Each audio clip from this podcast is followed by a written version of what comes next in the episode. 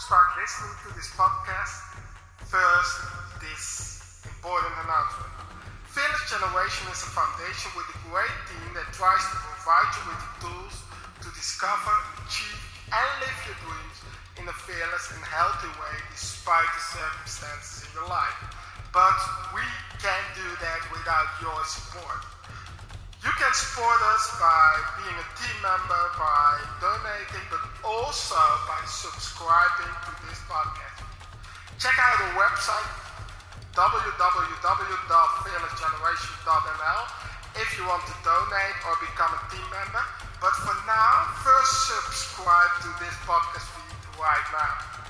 And uh, for now, on behalf of the whole team, thank you for subscribing to this podcast feed. And of course, enjoy this great podcast. If you've been walking the same old road for miles and miles, if you've been hearing the same old voice at the same old lies, if you're trying to fill the same old holes inside, there's a better life. A better life. If you got pain, he's a pain taker. If you feel lost, he's a way maker. If you need freedom, a savior, he's a prison shaking savior. If you got chains, he's a chain breaker. The fourth podcast in this series, Building a Fearless Character. And the fourth day of this um, uh, period uh, of, of praying and fasting. And we talk about in the last three days, we talk about on day one, we talked about David and how he strengthened himself in the joy of the Lord. And that was who he is. He was the joy of the Lord. He doesn't have to do anything to prove that he is accepted and he's good enough. And uh, on day two, we talked about Gideon, how to become fearless during your trip, during your traveling to to your to your destination. And yesterday we talked about 1 Peter 5 and where we where, where Peter spoke to the church where you, you write to about humble yourself under the mighty hand of God under what he is doing. And while you're doing that you live the, your whole life in momentum. So not humble yourself before the hand of God or be, be, be, be, be after the hand of God but under the hand of God. And if you do that he will take your anxieties and cares for you. So, how humbling is so important. And today I want to talk about some story. I want to go on on the story of Peter, and it, it talks about how focus determined your outcome. And that's the theme of today. And we, I want to speak about a story in the Bible, and it stands in Matthew 14. And if you have a Bible, you can already uh, uh, find the chapter, Matthew 14. But I want to give a little bit background before we're gonna read. The moment that this story starts, there was something big happening before. Because before this story, Jesus was with his disciples, and what happened? There was a little boy, a little boy with two breads and, and uh, with two fish and five breads, and and and uh, with that small amount of food, they fed five five thousand men. But there were whole families. There's let's say a man, a woman, and two children I guess more children, but let's take it a little bit like a Dutch family uh, or a Western family. At least 20,000 people were fed by two fish and five breads. And the, the, the, the funny thing, the miraculous thing was, after it all, they had they had uh, gathered what, what what was not used, and they had twelve baskets of food. So it was a miraculous miracle.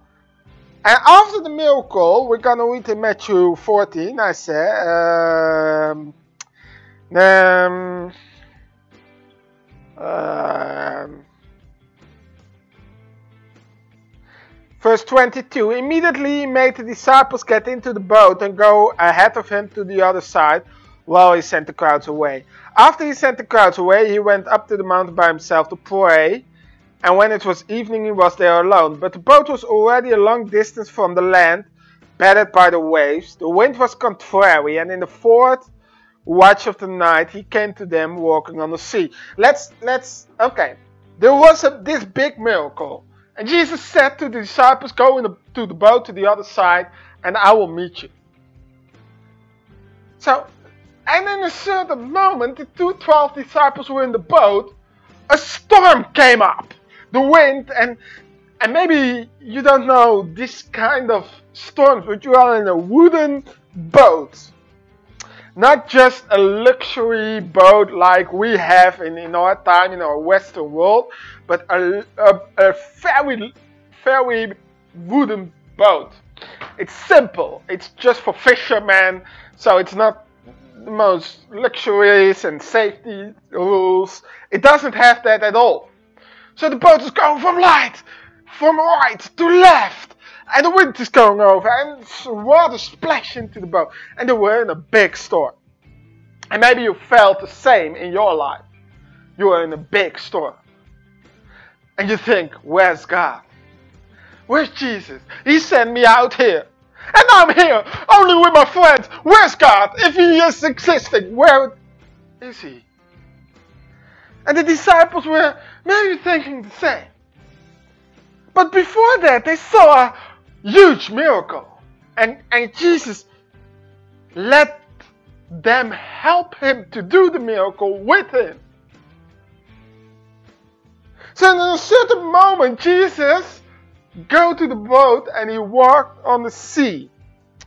When the disciples saw him walking on the sea, they were terrified and said, It's a ghost, and they cried out in fear.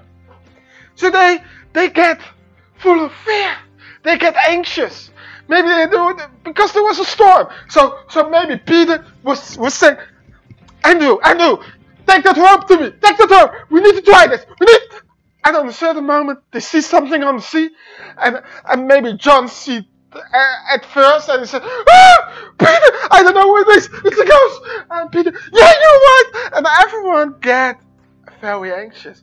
They panicked because the whole situation was a, a fearful situation.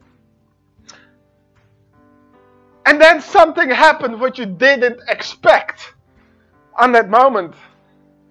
They didn't expect Jesus there. And maybe you're in your life, you're in, in the middle of a mess, of a storm, of a desert. And you're thinking, where are you? You're panicking. You're anxious. And suddenly, I talked about it yesterday. God works suddenly. And suddenly something happened which you didn't expect. And it makes you more anxious because you don't expect Jesus or God there. But could it be that you didn't expect it, but on that suddenly moment, that that is God?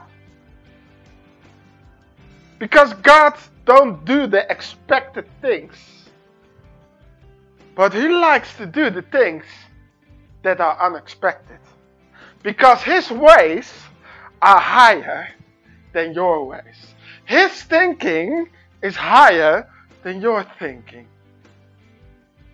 So he don't do the expected things. He don't do what you expected the way it needs to look like.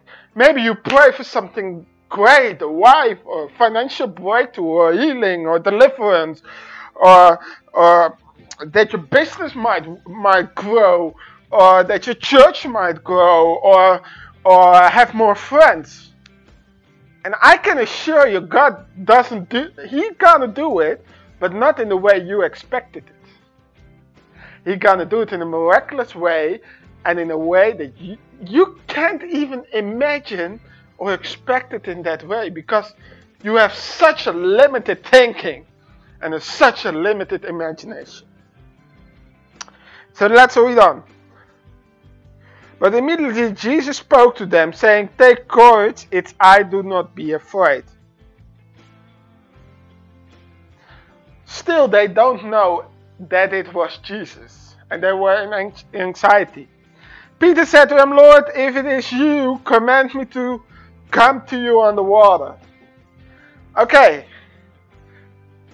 A lot of theology, the, um, um, theologians, people with a master degree of theology, let's say it in that way. A lot of people say they, they read on this and, and they take it for granted, but this is a very important sentence. But when you are in the middle of a storm, you don't know if it is God let's be honest, this is not the best sign to ask. Say, in, in other translations, say, if you are Jesus, say, come. Let's be honest. And I was thinking about this, and I was thinking, if it was not Jesus, and the person had said, come, what would happen then? Because when we read on, we see Peter walked on the water. And I was just struggling with God, and God said to me, even though it wasn't Jesus, Peter shall walk on the water. Because the thing was not that Jesus was there in bodily form. The thing is this it was that his focus wasn't Jesus. And his focus determined the things he could do and the way that he needs to go. What, what, because we, we, we think that the biggest miracle was Peter walking on the water, but the biggest miracle from Jesus on that moment was to shift the focus of the disciples from, from the storms and the wind and all and the whole situation to shift it for and and what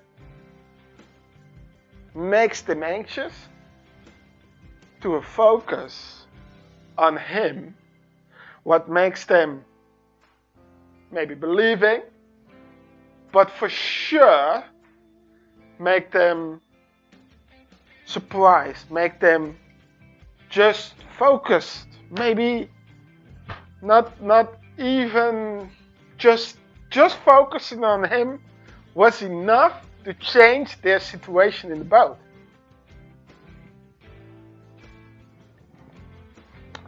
Okay, let's read on. And he said, Come. And Peter got out the boat and walked on the water and came toward Jesus. And then this. But seeing the wind, he became frightened and began to sink. He cried, Lord, save me. So, in the moment that his focus shifted, he seized the wind. He got frightened, he got anxious again, and he began to sink. The difference was not Jesus is there. The difference was where was the focus of Peter on? Was the focus on Jesus or was the focus on the circumstances? Living fearless, I say it a lot of times in the last years to people. It doesn't mean that there will won't be bad circumstances or bad people in your life. That's not a fearless life. That is not a happy life. That has nothing to do with all the good blessings of God. living fearless, living happy, living in abundance, living in, in, in the blessings of God means that even though there are bad circumstances, even though there are bad people that comes into your life and they come and go, your focus is on Jesus. And because of your focus is there, it won't touch who you are. It won't touch your feeling because your focus determined how you feel. Your focus determined how you act. Your focus determined how you speak. Your focus determined everything. And we see it here also when he focused again on the circumstances, he began to sink. But no worries, immediately Jesus uh, uh, began to sink. He cried, Lord, save me. On the moment that he said, Lord, save me, what happened? His focus goes again on Jesus. And this is what happened next. Immediately, not in three seconds, immediately, Jesus spread out his hand and took hold of him and said to him, You of little faith, why did you doubt? If you lose your focus, you are doubting. When they got into the boat, the wind stopped.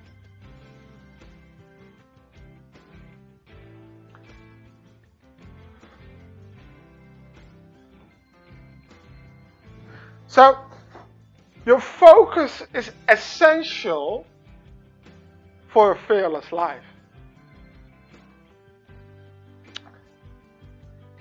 Let's imagine that you're driving a car, and if you don't have a driver's license, you're driving a bicycle or a motorcycle, but you're driving one of those uh, vehicles.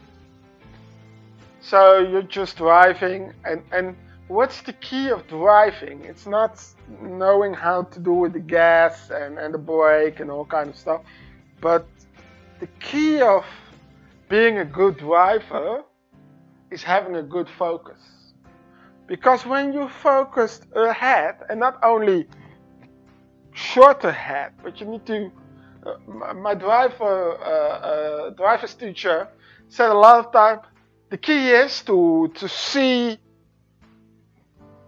more than 100, 200 meters further, so that you know what to come and you can anticipate right now on that there. So just focus on before you. What do you think that will happen if I just focus the whole time on my left window and I just look at it the whole time? Even though I don't want to, but my arms will drive the wheel to the left. If I focus on the right window with, with my side, even if I don't want to, my arms will drive the wheel to the right. If I focus the whole time on the back mirror, I will make accidents because I don't know what will coming and I don't see what's in front of me. So what what does it what does this mean? That where you focus on determines where you're ending. And a lot of people today are just focusing on their back mirror. Are just focusing on the on on on on, on the past and what did they wrong. Uh, maybe the friends they left. If Peter would focus on the boat and the 11 disciples were in the boat that he left, he wouldn't walk on water.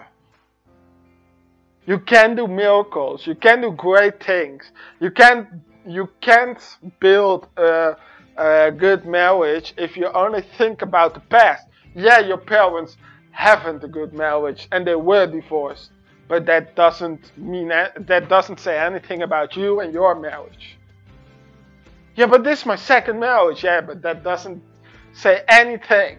Your first marriage doesn't say anything about your second marriage. So don't look in your back mirror because if you only look at your past, then your future will look like your past because your focus determines where you're ending. Don't look at the left or the right, the circumstances, the people in your life, the bad people in your life, the bad circumstances, even the good circumstances. They're good and, and be grateful for it.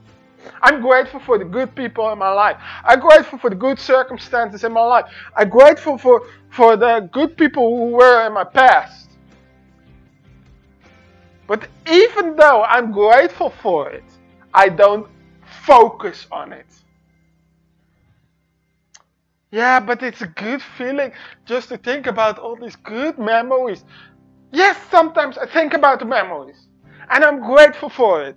But stop focuses focus on it. Because if you start focuses focus on it, you will never go on and reach new good people, good circumstances, reach your mission, reach your goal, reach your destination, get a fearless life, get a happy life, and get an abundant life. The key is focusing. Stop focusing on the past. And even though if you do it for a moment, what we learn in this story is there are times that you your thoughts go on the other other point and you don't focus on Jesus and on God anymore. But the key is this that even though sometimes that will happen, when you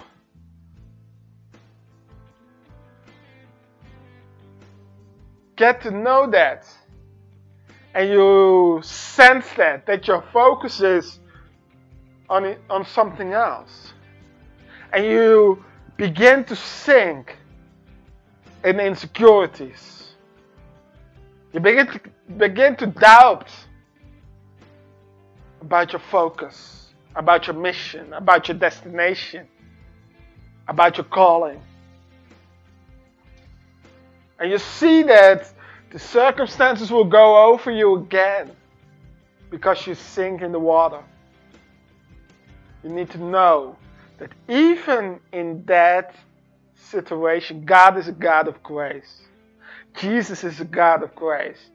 And that you can say, you can turn your focus again on Him and say, Lord, save me. Because the moment that you say, Lord, save me, and in, in, in, the Greek is the word sozo. And the word sozo means not only saving, means deliverance, means abundance, means healing, means completion, uh, rest- restoration, recovery. So the moment you say, Lord, recover me, Lord, heal me, Lord, help me, Lord,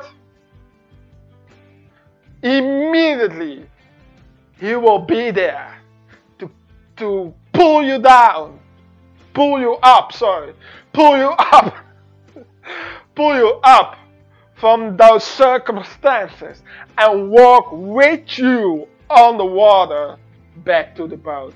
And what will happen then? Storm is away. So the thing is, get your focus on God. Stop focusing on everything else.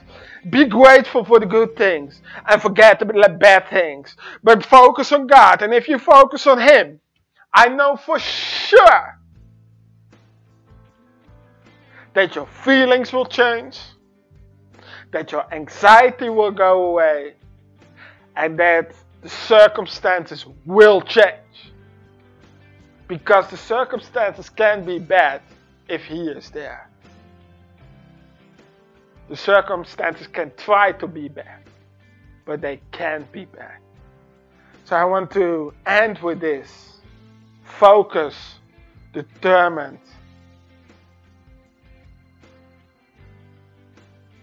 where you're ending.